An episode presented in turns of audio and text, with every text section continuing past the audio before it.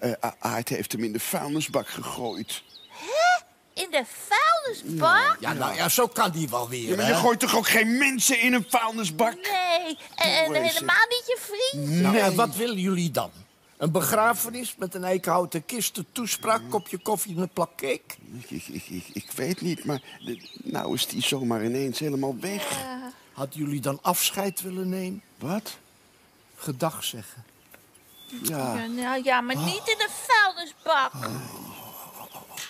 Zo, nou, zeg maar dag. dag Dag, Manus. Manus. Zo, hoppa.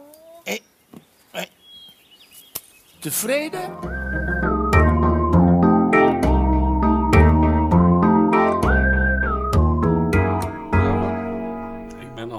Klaar. Kijk, heel goed.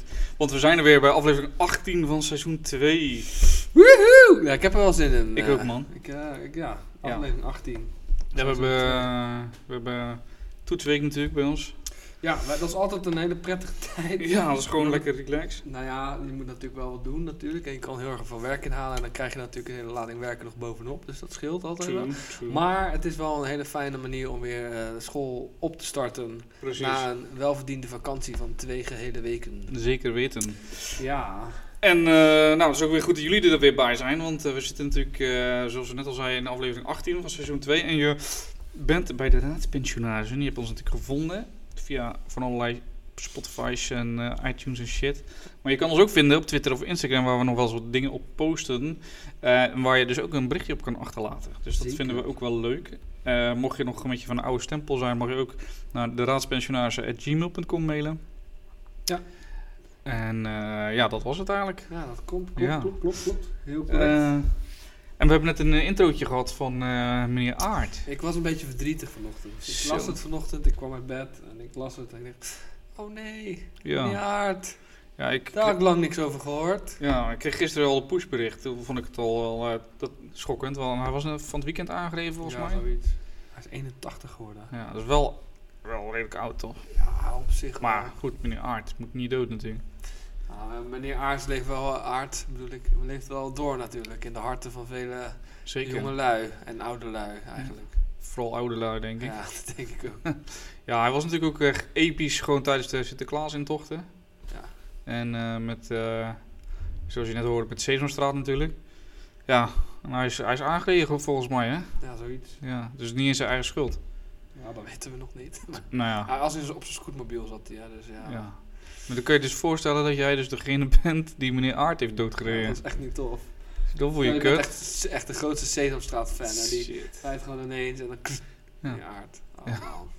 Maar god, Oh, dat is echt zielig. arme man. Ja, ik was wel een beetje ontdaan. Ik Ja. vond het, eh, ja, ik weet niet. Wel echt een held. Ja, ik vond het, eh, ja, ik vond, eh, ja, ik herken me er wel in als oude bronpot Ja. natuurlijk. Nee, maar het is, ja, het is jammer. Ja, moeilijk, moeilijk om er eh, iets eh zinnigs over te zeggen verder. Ik vind het gewoon zonde, jammer. Maar ja, aan de andere kant, hij was al een tijdje natuurlijk met pensioen, dus we hebben ook niks meer van hem gehoord. Nee, Dus het is niet zo dat we nu een hoop nieuwe content gaan missen. Content gaan missen. nee, dat niet. Maar Maar het, het is, wel, ja, het is ja. toch wel weer een einde van een tijdperk of zo, weet je wel. ja, ja je merkt toch als je ouder wordt dat je, Je helden verliest. ja, Zo. je held verliest. Zo verliest diep. Anyway, eh, er zijn natuurlijk nog veel meer dingen in het, eh, in het nieuws. Ja, Eh, een aantal die ik stiekem een beetje voorspeld heb, hè, eentje. En dat ik zei van, hey, ja, ja, ja dat klopt. zou me niet verbazen als... Nee, dat doen we, ja, doe maar wel eigenlijk. wel. ja. Ja, Iran natuurlijk, die heeft als reactie op Amerikaanse bases geschoten. Klopt. Plus ze hebben een vliegtuig neergehaald. Ja, en dat was... In eerste instantie zeiden ze, ja, daar heeft niks mee te maken. Maar Ja. de raadspensionaris zei dan, ja, wacht eventjes. Precies. Het is wel heel opvallend. Onze- Wel heel, heel opvallend dat het ook een Oekraïns eh, vliegtuig is. eh. Ja, het is wel eh, bijzonder inderdaad. Ja, Ehm, zo van MH17 was in Oekraïne. Oekraïns vliegtuig. In Ja? Toch Leg je die link zelfs? Nou ja, nee, maar ik snap wel dat als stel je woont in Oekraïne, dat je dat wel denkt van, jee, maar weer. Ja. Weet je wel, weer gewoon op een of andere manier is Oekraïne erbij betrokken. Dat is gewoon heftig, weet je wel. Ja, het verhaal is natuurlijk dat de Iraanse defensie dacht dat het een eh, kruisraket Ja, was. tuurlijk. Ja, ik vraag me af hoe... eh ja. Kijk, een vliegtuig vliegt weg, weet je wel. Ik heb geen idee, maar ik kan me ook wel voorstellen dat eh, je heel erg op je hoede bent of zo. Dat je denkt, oh nee, de Amerikanen die gaan iets flikken, let op, let op. En Ja. ja, ze hebben wel gezegd, eh, het is een menselijke fout. Ja. En ze gaan ook degene die aansprakelijk zijn, gaan ze vervolgen, blijkbaar. ja, ze kunnen ook niet anders. Nee, ze moeten wel. En ik ga ervan uit dat het echt een menselijke fout is. Het is wel toevallig dat eh, ja, Trump natuurlijk nu opeens... eh, die had, het was natuurlijk niet... De hele volk stond niet achter hem met zijn Iran-dingen. En nu in één keer, nu is er een vliegtuig neergehaald met allemaal passagiers. En nu is iedereen opeens eh, tegen Iran. Ja, ik heb er niet echt op zitten letten wat nou de Amerikaanse kant is. Ik weet wel dat Canada wel heeft gezegd van... joh, we gaan wel zorgen dat degenen die verantwoordelijk zijn... ook echt verantwoordelijk worden gehouden. Nou, Ja. in, in die zin. En dat snap ik ook wel, want het is niet niks. Ja. Ja, ik had er ook met een eh, luisteraar een beetje zo'n eh, praatje over. Die, eh, die dat ook aangaf, weet je wel. Van ja, ik, ik, ik stelde nog, toen was het nog niet zeker, stelde ik van ja, weet je, zou ze zo dom zijn om zo'n vliegtuig neer te halen? Ja. En toen zei hij inderdaad ook van ja, weet je, het komt er wel in ieder geval Trump heel goed uit. ja, of niet. Dus. Maar goed. Oh, de eerste discussie die natuurlijk was, was is die Soleimani, was dat eigenlijk wel zo'n schurk, hè? Die is uitgeschakeld door de Amerikanen, wat dit dus allemaal tot gevolg heeft eigenlijk. En eh, een een van mijn favoriete, eh, ja, historici slash eh, terrorisme-experts, Beatrice de Graaf, die, die zat bij de Wereld Door en die had daar wel een mooie mening over. Ze zegt, ja, weet je, het was een schurk. Hij deed eh, dingen die eh, niet klopten. Hij, eh voor mij Hezbollah bewapenen en weet ik veel. Maar hij werkt ook samen met de Amerikanen om IS te bestrijden. En je ziet dat nu de IS eh, eigenlijk weg is. Dat dan in één keer wordt hij geëlimineerd. Dat is wel Ja. een beetje bijzonder. Ja, dat is wel En- vaker, toch? Ja, hij, hij had geen... Kijk maar naar Saddam. Ook, Ja. Hij is wel iets wel langer af natuurlijk, maar... Ja, hij heeft gewoon geen nut meer. Hè? En dan wordt hij dus ja, gebombardeerd met een drone. En dan, maar goed, eh, ehm, wat zij heel terecht zegt is van ja, wat komt er in de plek? Want het is zelden gebleken dat eh, als je een schurk, zeg maar, dan, eh, iemand die slecht is, als je die elimineert, dat er dan in één keer een goed iemand voor terugkomt. Hè? Dat is helemaal niet zo. Dus wie komt er voor terug? Worden we er wel beter van? Ja, is het waarschijnlijk wel misschien iemand die anti-Amerika is, anti-West is, weet ik niet. Dat, nog, ja, dat het weer gaat escaleren. Ja, dat hopen we natuurlijk niet. Ja, maar je, je haalde net natuurlijk eh, Saddam Hussein aan. En je ziet natuurlijk ook met de verwijdering van Saddam Hussein dat eigenlijk IS ontstaat. Hè? Door, eh, door dat machtsvacuum wat hij achterlaat. Ja. En dat zal met die Soleimani, ja, hopelijk niet weer een nieuwe IS. Maar het, ja, je weet niet wat je ervoor terugkrijgt. Dat is eigenlijk gewoon het, eh, het punt. Dus dat is wel interessant, vind Ja. ik. Dat is het ook. Ja, We gaan het in de gaten houden. zeker. De komende weken, maanden, jaren. Ja, Waarschijnlijk. Decennia? Nee. Ja, ja. wie weet. Nou, wie weet. We weten niet wat voor gevolgen dat heeft. Ja.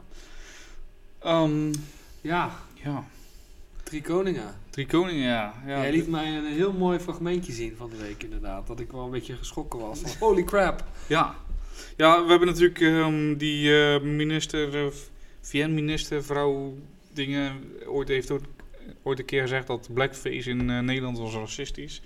Ehm, en eh, wat schetst mijn verbazing eigenlijk, dat ik gewoon een filmpje ziet eh, over de drie koningen in Spanje. Waarbij dus een soort van Zwarte Pieten, die er, vind ik, veel meer stereotyperend uitzien als eh, onze Zwarte Piet. Maar dat terzijde. Cadeautjes uitdelen aan, aan kinderen. En daar werd eigenlijk gewoon niks over gezegd. Dan denk ik van ja, Ja, ik denk dat de media er nu wel op los gaat hoor. ja het, het is nu natuurlijk wel. ja, het is nu. It's on, weet je wel. ik bedoel, eh, het gaat eigenlijk om eh, ieder jaar 5 januari. Dus in Spanje. Dat heet, de, de intocht heet eh, de Race, de Race Magos. Ik weet niet wat dat betekent. Misschien drie koningen. En dan lopen dus een soort zwarte pieten vol met grote En die ronde. klimmen ook op weet ik, van gebouwen ik ze klimmen en die deelden cadeaus aan de kinderen uit. Ja, Wat natuurlijk wel leuk is, alleen als je kijkt naar hoe deze mannen en vrouwen waarschijnlijk eruit zien, dan schrik je toch wel een beetje. Ja, dat is echt. eh, ik, vond dat, ik vind dat al meer stere- stereotyperend als. als die. Nou, als allebei stereotyperend, hè? Ja, ik bedoel, maar. Ja, jij bent wel iets. Ik, ik ben een beetje nog. eh, ik vind het moeilijk om het los te laten. hè. klopt jongen. Ik vind dat niet zo heel moeilijk om dat los te laten, maar nee, maar dit is wel echt wel... Dit was. Hier zie je ook echt dat er echt nog geen moeite is gedaan om het Nee. in ieder geval een beetje aan te passen. Nee. Dit was echt gewoon... Het ziet er gewoon uit als dit- een, als een moor. Ziet het, Het ziet er gewoon uit als zo'n tekenfilmmoor, weet je, Ja. van hele grote lippen, dus echt van echt grote rode lippen. Rode lippen rond de mond en zo, echt Pikzwart. pikzwart inderdaad. Rare rode hoedjes pakjes. eh. ja. Ja, dit. Was, dit was heel duidelijk. Dit, wa- maar ja, ze geven dan zelf van, ja, dit is geen racisme. Dit, dit, dit, ja, nou, Ja. dat is vaak, hè. Ja, dat geven wij ook Nederland aan. ook. In Nederland geven we dat ook aan, is geen racisme. Ja, Maar ja, sommige mensen voelen zich geracismeerd. ja. klopt. Ja, maar goed, ehm, in ieder geval, dat dus. Next. Next song. Ja, eh, Prins Harry. Ja, ja. Prins Harry eh, doet eh, afstand van de troon en Meghan. Afstand van de troon. Ja, dus ze nemen afstand van het koninklijk, Brits koninklijk huis, hebben we het over, hè? Prins, Prins Harry en zijn vrouw Meghan Markle. Ja. Die gaan min of meer in Canada wonen. ja. En daarmee willen- wil je dan zeggen dat hij afstand doet van, stel er overkomt zijn broer wat, dan neemt hij afstand. Ja, hij is geen lid meer van de koninklijke familie. Dat, Dat, is wel heel ik, bijzonder, hè? Ja. Ja, dat is heel bijzonder. Het gaat natuurlijk om dat ehm, er schijnen wel tussen de Queen en. eh, en dan bedoel ik niet Freddie Mercury, maar eh, de Queen en. eh, en die twee schijnt sinds eh, Meghan Markle er is, schijnen wel wat probleempjes te zijn en zo. Ja, maar is dat niet gewoon eh oude wijvenpraat, dat ze dat weer sappiger willen maken Tuurlijk. dan dat het is? Dat zal ongetwijfeld zo zijn. Ik heb ook gehoord dat ze het gewoon zat zijn om de hele tijd door de paparazzi te worden Ja. achtervolgd. Snap ik, dat zou ik ook hebben. Dus dat eh, dat gaat stoppen, dat vraag ik me af. Ik denk dat het nu alleen maar erger wordt. ja. ja, ik weet ook niet of dat echt stopt als je natuurlijk afstand doet van de troon. Misschien wel, misschien niet, ik weet het niet. Ja. Ja. ja, ik vond het niet zo heel boeiend, Niels. Ja, ik hou er niet zo Nou, erg het is wel een dingetje, want het is nog nooit in de geschiedenis is het nog nooit gebeurd. Hè? Nee, dat klopt. Dus hij is de eerste, zij zijn de eerste die dus zich terugtrekken vanuit het koningshuis. Nou, we gaan zien wat het gaat opleveren. Ja. Waarschijnlijk houdt hij wel zijn handje nog op bij oma. Eh, ik weet niet of hij dat nodig heeft. Dat denk ik ook niet. Nee. Ja. Ja, dus ehm, nou, wat luisterpost. hè, We hebben het net al gehad over eh, een beetje een soort van discussietje of een beetje een eh, gesprek gehad met wat luisteraars over zowel Soleimani als Iran. Maar er is ook een, een, een punt binnengekomen van eh, een dag van toen. Dat is, eh, een, eh, gaat over Zuid-Holland geschiedenis. Dat is een leuke site. Ik kan het je aanraden. En die gaf aan van jongens, ehm, misschien een leuk discussiepunt. Het is tot 2020 is het nog een decennium. En pas in 2021 begint het nieuwe decennium. Ja, ik heb er ook wel, me- wel, wel eens over gebogen. Dat ik denk, jezus, is, is dat wel zo? Hè? Dat, is, dat is wel een goede vraag. Hè, want de, de nieuwe eeuw begint ook altijd al wanneer, ja, zeg maar 2000 is. Is het nieuwe millennium eh, begonnen. Ja. Dat zou betekenen dat het nieuwe millennium dan pas 2001 zou Ja. beginnen. Dus dat, Ik weet het niet. dat is, ja, dat is volgens mij ook zo, wel zo deels. Maar het is, het is wel heel verwarrend hoor. Ja, het is misschien net zoiets als dat de jaren 80 eh, eigenlijk eh, 70 tot 80 zijn. Ja. De jaren 90 80 tot Exact, 90. exact. Misschien is het zoiets. Ja, ik heb er wel zo ook, eh, ook naar gekeken inderdaad, hoe dat nou zit. Interessant. Het is in ieder geval eh, food for thought. Goed. Mocht iemand het nou weten, dan eh, laat het ons weten. Zeker, Zeker. zeker. Dus, eh, maar goed. Ja, en dan... eh, dat was alweer uh, zo'n beetje... de Ja, de, de dingen, huidige, eh, de huidige stand van zaken. ja. Ik kan nog even een laatste blik werken, werpen, werken, op, op, op, ja, op de voorpagina of er nog iets nieuws binnen is gekomen. Het is Nou, misschien wel leuk om het een beetje actueel te houden. Oké, cool. Nee. Nee. Nee, gewoon helemaal niks. Je valt. Nee, gewoon helemaal niks. Niks? Nee, nee, nee, nee, Oh, oké. nee. Oh, dit is wel leuk. Oh. VS houdt Chi- Chinese drones aan de grond uit angst voor spionage.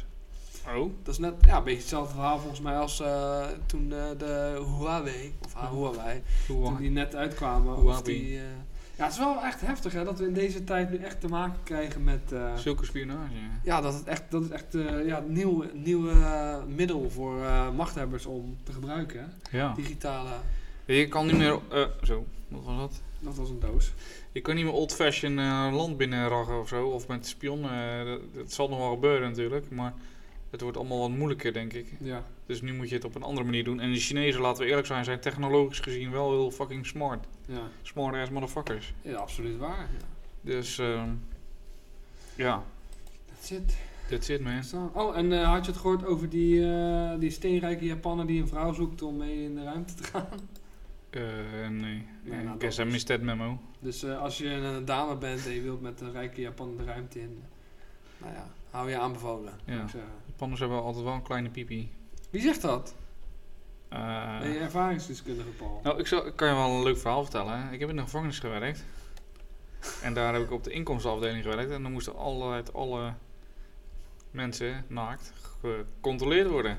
Dus ik heb wel eh, enige kijk op eh, diverse piepies. Dude. Oké, dat is too much. Eh, enjoy yourself. Het moment waar je, waar je blij Oké, la- laten we teruggaan naar de geschiedenis. Ja, nou ja. en, eh, Heb je nog iets leuks gedaan trouwens met geschiedenis? Dit, oh, dan komt hij weer met deze verhalen. Nee, ik heb, eh, ik ben, eh, ik, nee, nee, nee. Damn nee, helaas niet. Nee, helaas niet. Nee, Nee? Nee. Oké, cool. Ik ook niet. Nee. slecht voorbeeld zou wij.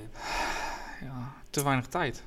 Te veel Exact. te doen. Te veel te doen. We hebben wel twee weken vakantie gehad, maar te Ja. tijd. Nou, maar toch, dat is altijd even zo'n moment dat je gewoon even, Even bijkomt. even bijkomen, even lekker gamen, een boekje lezen, uitslapen. gamen, ja. Ik heb wel zin om te gamen. Ik ook. Kom gaan gamen. Alright, Oké. Eh, Nou, dit was de podcast. Kom gaan gamen. tot ziens. Ja, next. Oké. Hey, we hebben nog een, eh, een, een onderwerp, toch? Ja, tuurlijk. Ja, ehm, een hoofdonderwerp. Want ehm, ja, we- zoals jullie weten, we doen natuurlijk niet meer echt eh, de weken voor bespreken van wat ge- is er gebeurd in de geschiedenis deze week. Maar één belangrijk eh, ding, en dat is een dag voor mijn eh, verjaardag. En dat is op 19 januari 1795 wordt de Bataafse Republiek uitgeroepen. En ehm, dat is wel interessant, denk ik, want het is een heel ander hoofdstuk in, eh, in de Nederlandse geschiedenis. Een hoofdstuk die vaak volgens mij wel ondergesneeuwd wordt.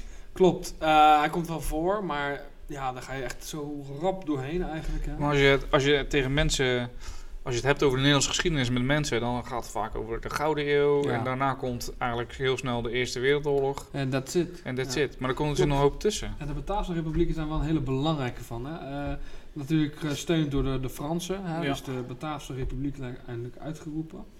Ehm, ja, en eh, ja, eerste grondwet ook, geloof ik. Hè? De eerste probeersel van onze grondwet eh, kwam toen eh, op. Ja, dat klopt. Dus dat is wel een van de hele interessante eh, ja, gebeurtenissen eigenlijk. Nu is het wel zo dat eh, die wel redelijk herzien is ook, geloof ik, toen eh, Willem I aan de macht kwam. Eh, ik, ik denk zelfs dat hij helemaal weer afgezworen is toen Willem I aan de macht kwam.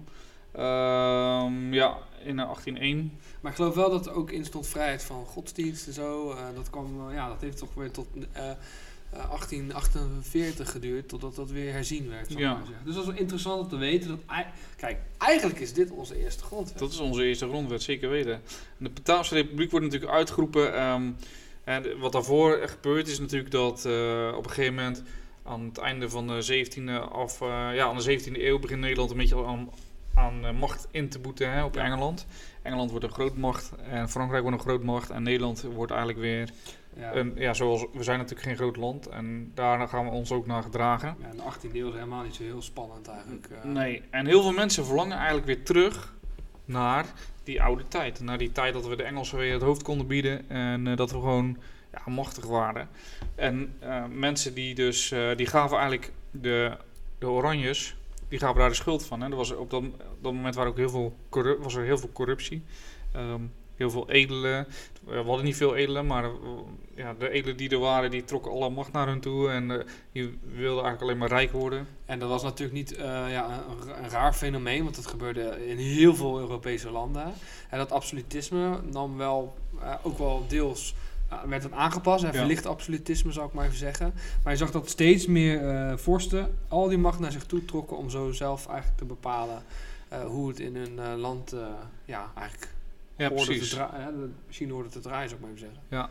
En, maar we zien ook natuurlijk, kijk, in Nederland hadden eigenlijk geen vorst meer, hè, sinds dat we natuurlijk eh, eh, met een, sta- een stadhouder en een raadspensionaris werkten, hadden we geen vorst. Nee, klopt. Maar je ziet dat eh, Willem V, die op een gegeven moment aan de macht is, dat hij ook die macht naar zich toe probeert te trekken en zich eigenlijk gaat gedragen als een soort absoluut vorst. ja, klopt. Eh, en het voordeel, of het voordeel, ja, ik weet niet of je het een voordeel wil noemen, maar in Nederland kenden we een grote burgerijgroep, hè, dus heel veel burgers. Mhm. En weinig edelen eigenlijk. Waardoor dus ook eh, de roep naar ehm, inspraak door de burgers natuurlijk veel sterker was. Eh, en degene die dus die, die, ehm, die Willem V af wilde zetten, dat waren de patriotten. En die stonden tegenover de... Sorry? Ik miste hem even. De patriotten tegen, stonden tegenover de... Orangisten? Tegen de orangisten, ja. Dus je had ehm, de patriotten die aan de ene kant de stadhouder wilden afzetten en meer democratie wilden. En je had de orangisten die juist meer voor dat koninklijke waren. Ja. Ehm, en je ziet op een gegeven moment dat die, eh, dat die patriotten die, eh, ja, die richten allerlei vrijkorpsen op. Hè. Ehm, in Dordrecht bijvoorbeeld, 1783. Zelfs niet over de... Ja, de, de vrijheid noemden ze de exercitiegenootschap. Nou, we moeten natuurlijk trouwens wel ehm, Johan van der Capelle... Zo, god, hoe... eh, dat is, moeten we even benoemen. Hoe heette die Ehm, Je bedoelt niet Schimmelpanic, toch? nee, nee, nee. Er is trouwens een gast op tv die heet Schimmelpanic. Dat is echt super Oh, vet als je nu die naam hebt. Ja. Nee, eh, Johan Derk van der Capellen tot den Pol. Die schreef een hele beroemde, ehm, hoe noemen ze het, zo'n soort eh, zo'n pamflet eigenlijk tegen Willem V. Met, eh, waarop hij eigenlijk eh, alle problemen van Nederland legde die bij de Ja. stadhouder neer. Heb ik was gelezen trouwens. Ja, dat mag wel open. Mhm. Dat hebben we gehad van, eh, hoe heet die? Ja. Van die oude dikke. Met Jos. alle respect. Voor Jos, ja. Ja, Jos. Ehm, en eh, dus die moeten we echt wel even benoemen. Hè? En eh, die zorgde ervoor dus dat die, dat die eh, patriotten steeds meer mensen kregen die ze volgden. Dus steeds meer mensen waren weer eh, voor een, eh, voor een staatsgezind eigenlijk bestuurssysteem zonder een, een, een, een, prins, prins Willem of, ja, prins van Oranje Nassau. En ze wilden juist weer terug naar die ware vrijheid die we ook al gekend hebben onder natuurlijk Johan de Wit van Oldenbarneveld. Dat was hun inspiratie, een soort renaissance voor Nederland. Ja. Zou je het Ah, kunnen, zo kunnen noemen? Ja, ook wat ze ook deden, en dat is wel heel grappig. Hè? Ze namen ook die verlichting heel erg mee. Hè? Ja. Dus, hè, onderwijs kwam ook weer eh, wat naar voren. Eh, ook wel nationalisme. Maar ook, en dat is wel belangrijk ook om te benoemen, dat ook het afschaffen van bijvoorbeeld eh, pijnbank eh, werd ingevoerd. Hè? Dus, dus bepaalde martelingen, die waren niet meer, eh, die mocht je niet meer gebruiken, want dat was heel vreed. Dus ja, dat, dat is ook wel eh, interessant te benoemen. Ja. Ja, mooi. Ja, toch? En op een gegeven moment zie je dat eigenlijk die eh, prinsgezinden en die orangisten, dus die patriotten, of eh, ja, die patriotten en die orangisten, dat die eigenlijk, die clash die komt tot uiting in een soort mini-burgeroorlogje eh, tussen 1786 en 1787. eh 1786 en 1787 escaleert dat dus tot een eh, soort mini-burgeroorlog. Het is een mini-revolutie. Ja, eigenlijk een eh, revolutie. Voor de Franse revolutie. Precies, dat is wel, het moet even gezegd worden dat dus de, de Fransen pochen altijd heel erg met eh, Ja. wij waren de eerste die gelijkheid, broederschap en shit, maar eigenlijk was Nederland eerder. Ja, Ehm, maar dat is ook wel interessant, want dan zie je ook wel dat het probleem waarschijnlijk op meer Europese landen eigenlijk speelde. Hè? Dat het niet alleen in Frankrijk aan de, aan, aan de orde was, maar dat het, eh, het gevolg eigenlijk waarschijnlijk van eh, dat absolutisme toch was dat de, de burgerij eigenlijk en alles eronder echt zich tegen die eh, heersende adel eigenlijk richtte. Ja, precies. Ehm, het was zelfs zo dat die patriotten eigenlijk, eh, ja, vooral in Holland, hè, het belangrijkste gewest van Nederland op dat moment, ehm, en nog steeds misschien wel, ehm, veel successen boekten. Ze namen ook de Staten-Generaal in. Vervolgens probeerde eigenlijk de, de, eh, de vrouw van eh, Willem V, die probeerde eh, naar de Staten-Generaal te trekken, naar Den Haag. Ja. En zij werd tegengehouden eh, bij Goejan Verwellesluis. Dat is ook een heel bekend, bekende gebeurtenis. Eh, maar wat wil het toeval nou? Of ja, het is natuurlijk geen toeval, maar die vrouw dat is Wilhelmina van Pruisen. Ja, klopt. En ehm, ja, zij is de zus, als ik het goed heb, van de Pruisische koning. Ja, dus die wordt aangehouden. Die is daar zo over de zeik van. Nou, je weet hoe vrouwen zijn. Dus die belt er eh, broer op. En eh, de broer komt even met de Pruisische legers. Ja, absoluut. En die jagen eigenlijk de patriotten weg. Dus je ziet dat eigenlijk onze... ehm, ja, hoe wil je het zeggen? Onze... Onze... eh, hoe noem je dat nou? Revolutie. Onze revolutie, ja, die wordt eigenlijk in de kiem gesmoord door de Ja, Pruisen. exact. En wat grappige is, dat die patriotten, die vluchten naar, Paraat. Precies, naar Frankrijk. En eigenlijk daar wekken zij eigenlijk, de- of de, daar, hoe noem je dat? Geven zij zeg maar het eerste aanzetje tot uiteindelijk de Franse revolutie. Oftewel, Oftewel, wij zijn weer eerder. we zijn weer eerder. Bam, jongens. Bam.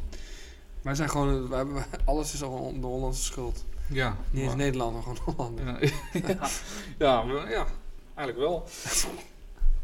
Is toch cool? Ja, dat is wel heel cool. Dus als je nou op verjaardag zit, dan weet je, de Franse revolutie is veroorzaakt door de, de Nederlandse patriotten. Juist. Maar goed, uiteindelijk zie je dus dat ehm, Nederland is in oorlog ook met Frankrijk, hè? zeker eh, nadat, eh, ehm, of na- eh, terwijl dat Frankrijk natuurlijk bezig is met die revolutie. En je ziet dat die patriotten hun kans schoonruiken en denken van wij moeten ons patriotisme lekker in Nederland ook gaan, gaan ja, verspreiden eigenlijk. En invoeren. Ehm, en je ziet eigenlijk dat die Franse legers, hoewel ze in het begin eh, veel tegenslagen kenden, eh, beginnen ze nu ook te winnen. En ehm, ja, eigenlijk in 1789 worden de zuidelijke Nederlanden eigenlijk door Frankrijk al onderworpen. Mhm. Ehm, en ze gaan natuurlijk omhoog. En ze veroveren eigenlijk gewoon Nederland. Nederland komt onder Frans eh, De wind. bewind. Ja. Eh, maar in eerste instantie nog semi-onafhankelijk, autonoom, of hoe zeg je dat? Ja, Eh, dus in 1795 wordt dus die Bataafse Republiek opgeroepen, of opgeroepen, opge uitgeroepen. En in 1798 komt de staatsregeling. En de staatsregeling, dat is onze eerste grondwet. Ja. Ehm, en die is dus heel erg verlicht inderdaad. Het duurde wel heel lang voordat die kwam.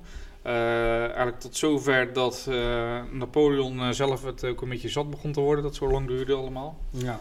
Ehm, en je ziet ook dat op een gegeven moment natuurlijk de, de Bataafse Repu- Republiek maar relatief kort bestaan heeft. Omdat zij ja, door Napoleon werden ingelijfd. Ja, in 1801 hè, is, dan zie je dat Napoleon ehm, de macht in Frankrijk grijpt. En dat heeft natuurlijk ook weer invloed op, eh, ja, op de Bataafse Republiek, zou ik het maar even noemen. Zeker. Hè, want uiteindelijk stelt hij hier iemand eh, in en dat was, Onze eerste koning. juist, Lodewijk, Lodewijk Napoleon. Napoleon, ja. Ja, dat is de broer van eh, Napoleon Bonaparte natuurlijk. Ja, die wordt hier dus eigenlijk onze eerste koning na Philips de, de, de tweede. de tweede, inderdaad. Ehm, dus ja, we kunnen wel zeggen, dit was onze eerste echte koning. Maar ja, of we kunnen ook zeggen, Philips II was onze koning. Maar Ja, staatkundig gezien denk ik dat we meer eh, met deze. Lodewijk Napoleon Ja. hebben dan met Philips. Exact, exact. Dus eh, ja, dit wordt onze eerste koning. Wel een Fransman natuurlijk. En uit- uiteindelijk wordt hij ook opgevolgd door, door echt eh, de zoon van Willem V. Maar ja, zover zijn we nog niet. Nee. nee, want in ehm, 19 januari eh, wordt dus de Bataafse Republiek uitgeroepen. Maar een dag daarvoor vlucht eh, de stadhouder Willem V naar Engeland. En later zal je zien dat zijn zoon Willem I, Ja, eh, de eerste koning van, Ja. de, Ja, van de Oranjes dus. Ja, hij, wordt ook wel, hij heeft wel kritiek ook op zijn vader, hè, dat zijn vader vlucht. Terwijl hij, ja, blijkbaar, misschien is dat wel een beetje nationalisme om te zeggen dat hij heel strijdbaar was. Misschien wilden ze hem strijdbaar Ja. laten overkomen. Precies, Maar- dat denk ik eerder. Ja, dat zou kunnen. Maar goed. Het grappige is dat het stukje Bataaf, eh, eh, ik weet niet, weet jij waar dat vandaan komt? Ja, dat is, eh, heeft een beetje met de Romeinen weer te maken. Dan blikken ze weer terug, bam, naar, Lekker- naar lekker vroeger. Ja, dat is eigenlijk dus wel hè, de Bataafse opstand eigenlijk hè, tegen de Romeinen eigenlijk. Dus echt beter, beter tegen de gevestigde orde. Ja, dat zij, ja, dat zij weerstand boden tegen de Romeinen eigenlijk. zeker. Heel vet, hè? Ja. Ehm, overigens moet ik wel nog even benoemen, dat is wel belangrijk, dat die Bataafse Republiek en de opstand van de patriotten, dat dat ge- getri- getriggerd is door de Amerikaanse revolutie hè, Ja. tegen de Engelsen. Ehm, en de Amerikaanse onafhankelijkheidsoorlog natuurlijk.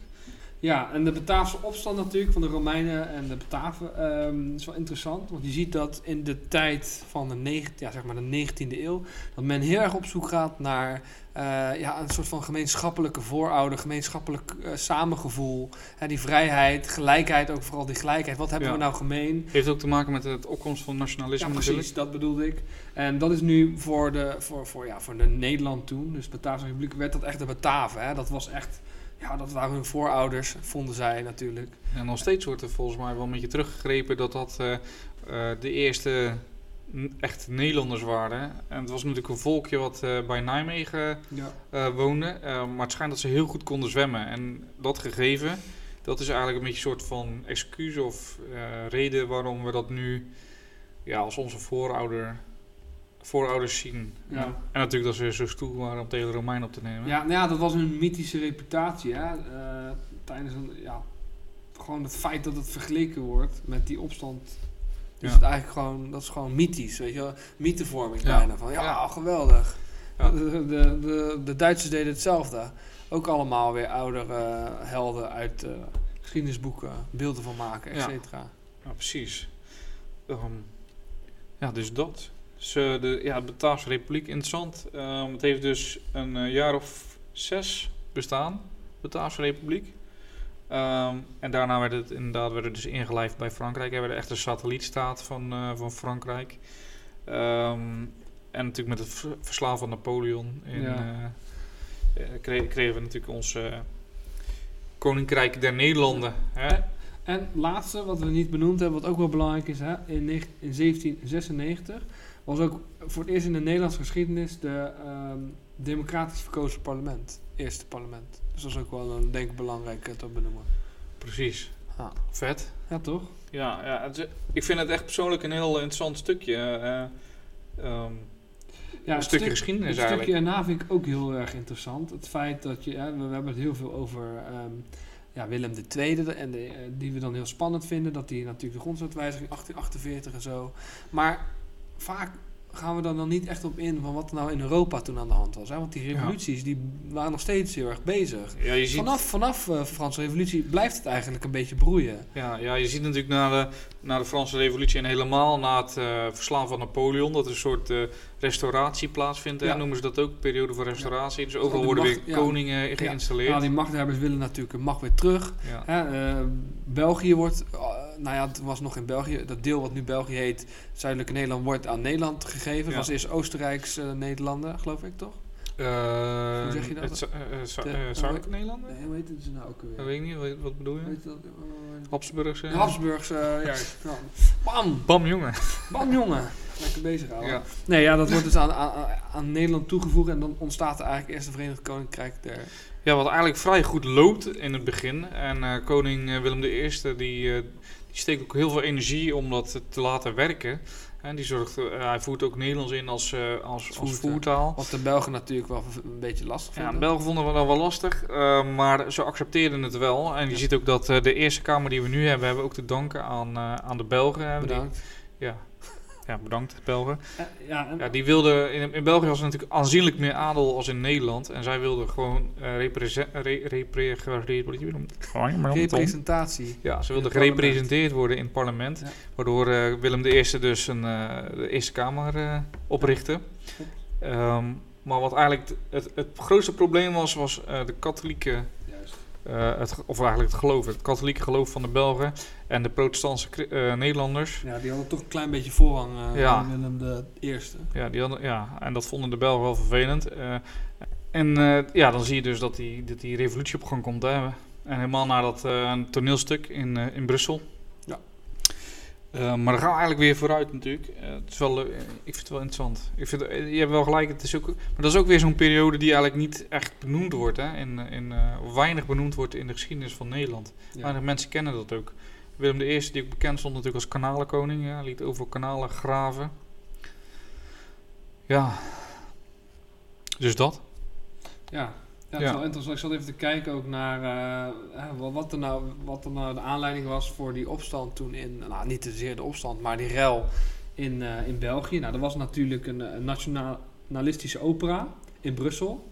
En die, en die was dus eigenlijk wel zo... Ja, die leefde zo erg dat ze daar dus echt heel erg een... eh, ja, een soort van nationalistische bewustwording kregen. Dat ze daar echt de straat op gingen en toen echt een tering zo van hebben gemaakt. Ja, volgens mij ook de op, eh, optreden van eh, Willem I riep ook veel weerstand op. Hè? Ja, ja klopt. liet eh, de- natuurlijk de, ja, de, hoe zeg je dat, de opstand liet hij de kop indrukken. Hij heeft ook gewoon met legers, heeft hij, eigenlijk heeft Nederland gewoon de veldslagen gewonnen. Ehm, maar onder internationale druk van hè, Verenigd Koninkrijk, die een belofte deed aan de Belgen van wij garanderen jullie... ja. Die belofte die eh, heel belangrijk is. ja, die later heel belangrijk zal zijn tijdens de Eerste, of net voor de Eerste Wereldoorlog. Ehm van ja, wij, wij garanderen jullie onafhankelijkheid. Althans, Oké. Dat gebruiken ze als excuus Als waarschijnlijk. excuus, om ja, tuurlijk. Maar goed, ze hebben het wel gedaan. Ja, ja. Oké, episch. Episch, Episch stukje geschiedenis. Ja, toch? Hey, ehm, ik stel voor eigenlijk dat we doorgaan eh, met de vragen. Ja, ik wou het net voorstellen. Ik heb er wel zin in. Ik ben heel benieuwd wat jij eh, deze week voor mij op de kaart hebt genoteerd, beste kaart, op de kaart, Op de kaart, op de kaart. Moet ik beginnen? Nou, doe maar. Of wil je dat ik begin? Nee, ik begin wie, wie is er begonnen? Ik, begin wel. Ja. Ik bijt de spits. Cool, Komt bij goed. de spits. Alright, Oké, komt ie. Ja. Maar wat we doen, we doen drie vragen altijd aan elkaar. En dan doen we onofficieel, benoemen we elke week een winnaar. Gewoon lachen, joh. ja, History Master. Ja, precies. Hey, de eerste vraag voor jou, eh, Paul. Ja. Go. Hoe heette de strijd tussen de stadstaten Athene en Sparta, de twee grootmachten van het Griekenland van die tijd? De Peloponnesische Oorlog. Ja, goed. Ja. ja, dat was dus een strijd tussen de twee eh, stad, grootste stadstaten eigenlijk in Athene en Sparta, wat voorheen eigenlijk al een soort van bondgenoten waren tegen de Persen natuurlijk. Nou, Athene die kreeg hè, die Delische, At- Delische Attische zeebond, zo dat weet ik allemaal nog. Hè. Bam. En daardoor hadden ze een soort van, eh, eh, ja, een soort van kas hadden ze, waar ze heel erg veel belasting dus in de van al die stadstaten, waardoor ze heel rijk werden, waardoor Sparta met hulp van een aantal andere stadstaten wel een beetje een soort van huiverig werd van de soort van oppermachtige Athene, waarop dus uiteindelijk deze oorlog ook eh, uitbrak. Weet je ook wie hem gewonnen heeft? Sparta heeft hem gewonnen. Klopt, Ze hebben ja. Athene volgens mij geplunderd. Ja. Of vernietigd. Of nou ja, in ieder geval grote delen kapot gemaakt. Ja. Maar het grappige is wel dat na deze Peloponnesische oorlog... eigenlijk allebei de stadstaten nooit meer tot een, voor, Ja, exact. tot een ja, glorie Ja. eh, herstelden. Ja, en ook natuurlijk doordat eh, de vader van eh, Alexander de Grote natuurlijk heel makkelijk daardoor Ja. Griekenland kon overnemen. Hij was natuurlijk wel helemaal, hij werd helemaal geil van al die Griekse kunst natuurlijk. Ja. Was zelf ook een Griek, of althans vond zichzelf een Griek. Was wel een koning, dat was wel een beetje tegen hoe wat de Atheners vonden natuurlijk. Ja, van Athene is er vrij veel overgebleven, hè, restanten, maar van Sparta niet, want dat was niet echt deel van hun cultuur. Nee. Dus er is vrij weinig over van, eh, van de Spartanen. Ja, dat is wel heel Vind jammer. ik wel zonde, ja. Ik ook, ja. Eigenlijk, ik, ik heb wel eens over nagedacht om, naar Sparta te gaan, zeg maar. De Ja, stad Sparta, heel maar dit is gewoon niet Nee. Het is niet zoveel. Ja, Dus- de naam Peloponnesische oorlog is natuurlijk ook eh, heel Athe- vanuit het Athene gezien. Hè? Want waarschijnlijk eh, noemden de Spartanen het de, de, ja, de, de Attische oorlog. Ja. Of de Atheense oorlog. Ja, want Peloponnesië was eigenlijk de... De plek waar, zij, waar de Spartanen vandaan kwamen. Nice. Oké, ik wist hem. Ik wist hem. Bam. Write it down. Oké, ik heb dan... eh, ja, ik voel me nou wel een beetje... Als jij zo'n... eh Nou, wat episch hè? Ja, een hem goede ook heel vraag. mooi vertellen, dat merk je wel hè? Ja. Mijn, Oké, oké, oké, oké, oké. Oké, listen up. Welke mini-staat lijfde België in 1920 in? Welke wat? Mini-staat. Een mini-staatje. Minister lijft dus in. Min- ja, lijfde ze in in 1920. 1920, Mini-staat? vrij recent. Welke mini-staat? Ga je alles herhalen wat ik zeg? Luxemburg. Nee, I don't fucking know. nee, het is echt heel slecht. Sorry, ik moest wat verzinnen. Nee, ik dacht meer, dit is interessant omdat niemand het weet. Ik wist het zelf ook niet. Eh Morisnet, Morisnet. dat is een dorp. eh, wat ligt nu in Luik. Ja, Maar je weet het ook gewoon. ik heb er wel eens van gehoord inderdaad. Je ja. kijkt me echt aan zo van, ik, ik weet het eigenlijk wel, maar toch Ja, ik kan het toch niet benoemen. Dat is oké. Het is oké, man. in ieder geval, eh, dit was dus een mini-staatje. Ehm, eh, vooral eh, na, natuurlijk nadat Napoleon verslagen werd ehm, en natuurlijk het Koninkrijk der Nederlanden werd ge- gemaakt, ehm, hebben ze dat als een dorpje gemaakt om het allemaal met je... Want Nederland, zowel Nederland als België wilde, ehm, wilde dat stukje. En als tussenoplossing hebben ze gezegd van, Maak er een maak er een mini-staatje van. En in Mag. 1920 leidde België uiteindelijk dan eh Morisnet wel in. Wat, wat is ermee gebeurd? Is het nog steeds? Bestaat het Eh, nog steeds? Of is het gewoon... Het bestaat nog steeds. Het is nu een dorpje in Luik. Het is gewoon een dorpje. Het Het is een dorpje. is gewoon een Belgisch dorpje. Ja, het was dus gewoon een, een mini-staat, aka drie straten, maar goed. Lekker. Dus het is fucking boeien, maar goed. Anyway. Dus dat. Oké. Nou, la- nice, nice. Ja. Nou, ik blijf een beetje in de oudheid. Ik had een beetje zin in eh, een Oudheid, beetje oudheid. cool. Dus eh, Ik heb daar ook nog wel oudheid voor, ja. deze, eh, deze, deze weet je nog wel, denk ik. Ja, cool. Alright. Komt hè? Cleopatra de zevende. Of Cleopatra de zevende Philopator. Die leefde van 69 voor Christus tot 12 augustus eh 30 voor Christus. Eh, was dus koningin van het oude Egypte. Ja, laatste lid van de Ptolemeïsche dynastie. En ook de laatste Hellenistische heerseres van Egypte. En ze is natuurlijk bekend, de bekendste van de verschillende benoemde Cleopatra's. Hè? Dus zij is echt de Cleopatra, zoals wij haar kennen. Oftewel, het is Cleo, Cleopatra. Nee, nee, ze was niet lelijk. Dat was Ze niet was nee. niet lelijk. Oké. Maar, nu de vraag. Ja. Met welke twee bekende Romeinen had Cleopatra een relatie? Oftewel iets meer dan een relatie? Nou, in eerste instantie met eh, Julius Caesar. Dat is goed, voor 1 0,5 punt. En daarna met zijn opvolger. Ja, klopt, ja. Maar hoe Ehm, heette die ook alweer? Fuck. Hoe heet die ook weer? Dat is een typische Romeinse naam. Ik dacht Claudius. Maar eh, of het is Alexander. Nee, ook niet. Oh. Sorry. Nee, Marcus Antonius. Oh ja, Marcus Ja, Antonius. lul niet, joh. Wel, ik wist het wel. Ik heb... Nee, ik wist, ik wist het wel, maar ik wist het niet. Sorry. Je hebt... Oké. Ja, nee, dus eh, ja, 0,5 punt geef ik je wel. Uh, Ah, een nice. Oké, cool. Nee, hij was dus een, wel een trouwe aanhanger van Julius Caesar. maar ja, die was het toen niet meer natuurlijk. Hij was politicus en generaal ook Ja. in Rome. Weet je ook hoe ze dood gingen? Ja, dat weet ik. Die hebben zelfmoord gepleegd. Ja. Allebei. Ja. Want hij verloor volgens mij de burgeroorlog. Nou ja, uiteindelijk kwamen ze hem gewoon halen omdat ze, eh, omdat eh, ook de zoon van, eh, Caesar, die was er wel nog steeds. En ze waren heel erg bang dat ehm, ja, als hij zou opgroeien, dat hij ja, die, die, die, die macht zou opeisen. Nou, dat deed hij ook. Hij, werd, hij was geloof ik één dag is hij geloof ik koning geweest van Egypte. Toen is hij vermoord. Alright, nice. Oké, ehm, ik ga even met jou mee naar, ehm, naar eh, terminologie.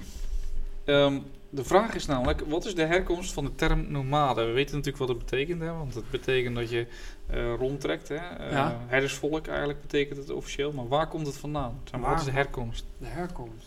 Ja, Dat vind ik een hele moeilijke vraag. Dat weet ik, dat weet ik eerlijk gezegd niet. cool hè? Nou, dat is wel een coole. Ben ik heel benieuwd.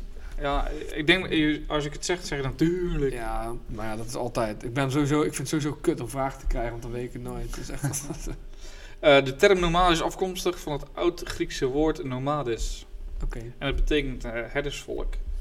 Ehm, het woord werd onder meer ge- ehm, zo. Dit woord werd onder meer door de geschiedschrijver Herodotus gebruikt om volken te beschrijven die hun kudde weiden.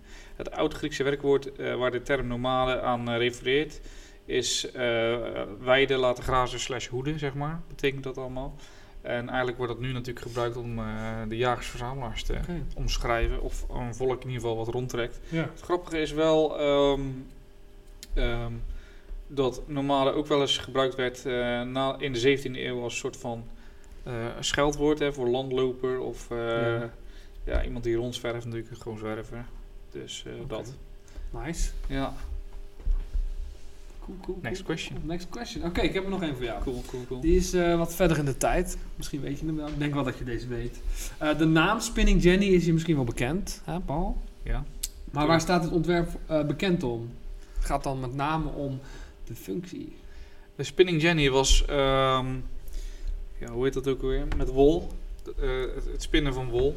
Eh, en dat heeft dan te maken met een aantal draden tegelijk of iets dergelijks. Ehm, normaal met zo'n normaal wiel kon je maar één draad tegelijk doen. En met de Spinning Jenny kon je er tien tegelijk doen of zoiets dergelijks. Eh, zoiets. Ah, Oké. Hui, hu- huisnijverheid.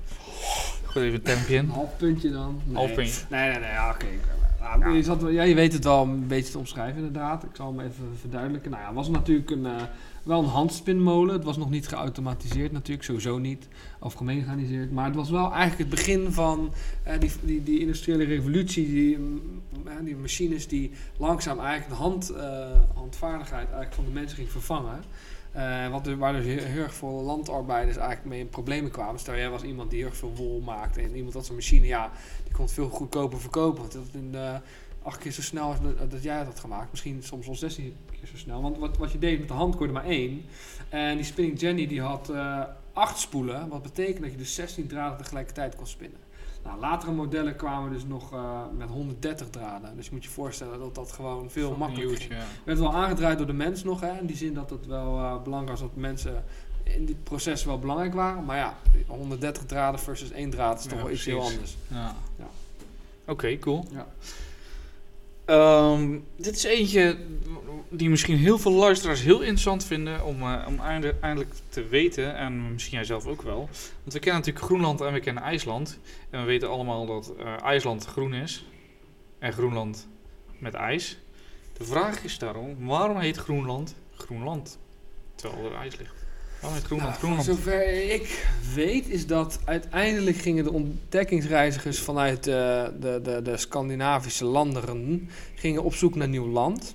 En die vonden wat wij nu IJsland noemen, vonden ze was een heel eh, ja, vruchtbaar land. Heel belangrijk om, eh, want ze waren altijd op zoek naar vruchtbaar land. En wa- eh, boeren waren heel zel- zeldzaam, eigenlijk schaars eigenlijk op het vasteland. Vandaar dat ze ook plunderden eigenlijk.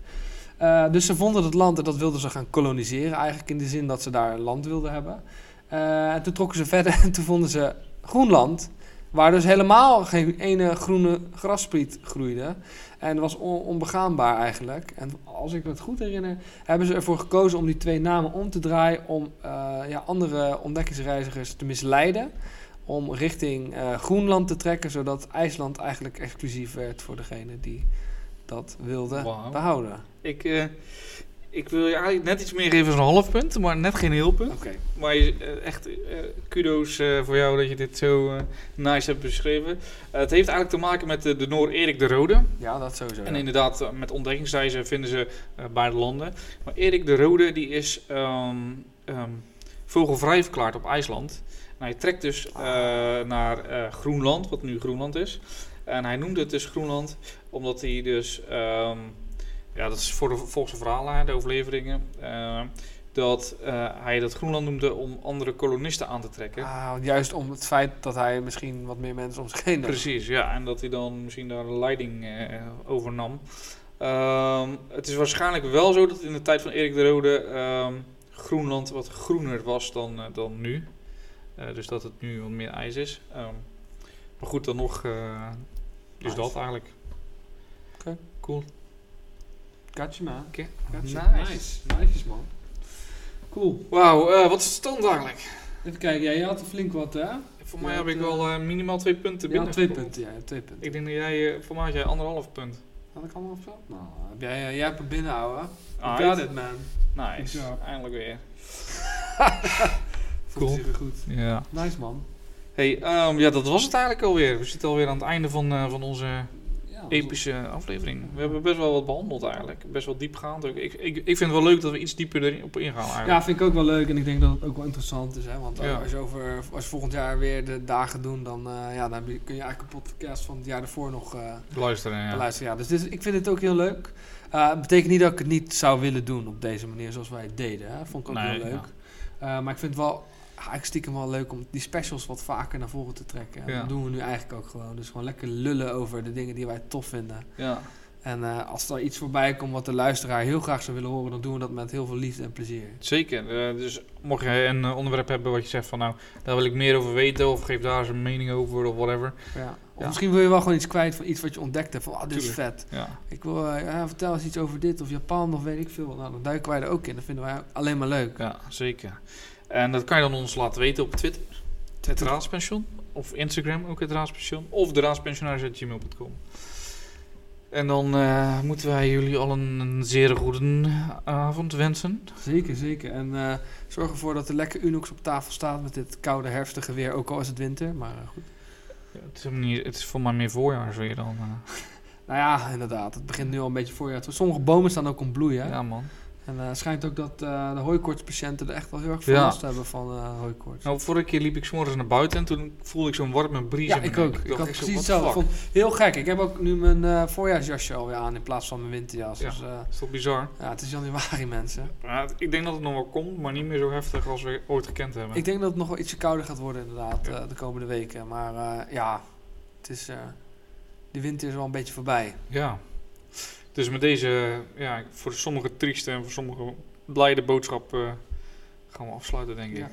Tot de volgende keer. Tot de volgende keer, volgende week. Yes. Je wat er volgende week is? Nee, jouw verjaardag. Woehoe!